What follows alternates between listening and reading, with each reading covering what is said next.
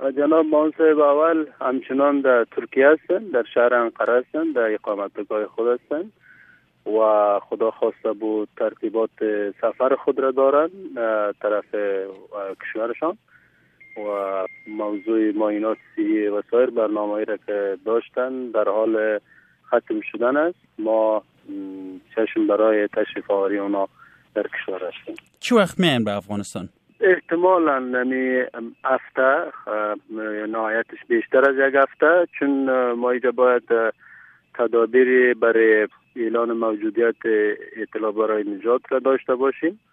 اونا امروزی که میان باید اطلاف را رسما افتتاح بکنند در افغانستان در جمع هزاران تن از هواداران احزاب جمعیت اسلامی جنبش ملی اسلامی و حزب وحدت اسلامی مردم افغانستان بنابراین یک مختار زمانگیر است. ولی تلاشی است که هرچه زودتر بیاین وضعیت افغانستان میره ایجاب می‌کنه که بیشتر بیاین و روی موضوعات یا شرایطی که در افغانستان است باید تمرکز داشته باشیم و فعالیت های خود را برای بهبود برای ایستا برای تقویت نظام افغانستان شروع بکنیم یک موضوعی که هنوز هم سر زبان هاست ادعاهای احمد ایشی ولی پیشین جوزجان است که سران ولی افغانستان گفته ما دوسیه ازی به محکمه سپردیم در این خصوص چی گفتنی داشتن شما؟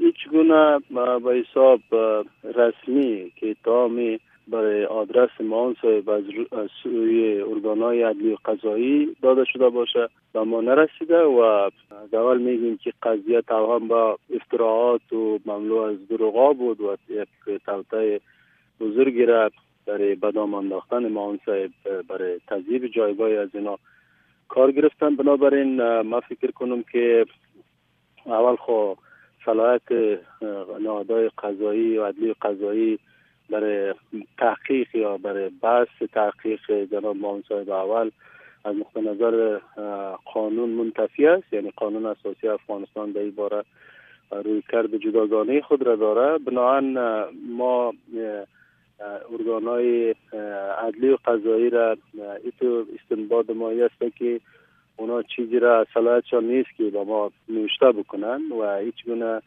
نگرانی ما از دو پرونده که اگر ساختن باشن نداریم. چون یک پرونده سیاسی به شدت کلان شده و مملو از توتا و تامات است. آیا ممانت بر ورود معاون صاحب اولی ریاست جمهوری به افغانستان وجود نداره؟ آیا اینا برای آمدن به افغانستان ملزم به کسب اجازت هستند هیچگاهی ما هیچ گونه ممانعت را احساس نمی کنیم چون همونطوری که شما و مردم افغانستان در جریان هستند در هیچ جایی در یک در هیچ یک اداره افغانستان ما صاحب اول به حساب کار خلاف قانون را نکردن و آمدن از اونا. هیچ گونه مانی را کسی به حساب خلق کرده نمی‌تونه. اونا معان بر معان بر حال نظام افغانستان هستند دولت جمهوری اسلامی افغانستان هستند و برای آمدنشان هیچ گونه مشکلی نیست و ما خدا خواسته بود در روزهای آینده ما صاحب اول را در کنار خود در کنار مردم افغانستان خواهیم داشت. تشکر از وقتتان جناب تنج. سپاسگزار هستیم از شما. سلامت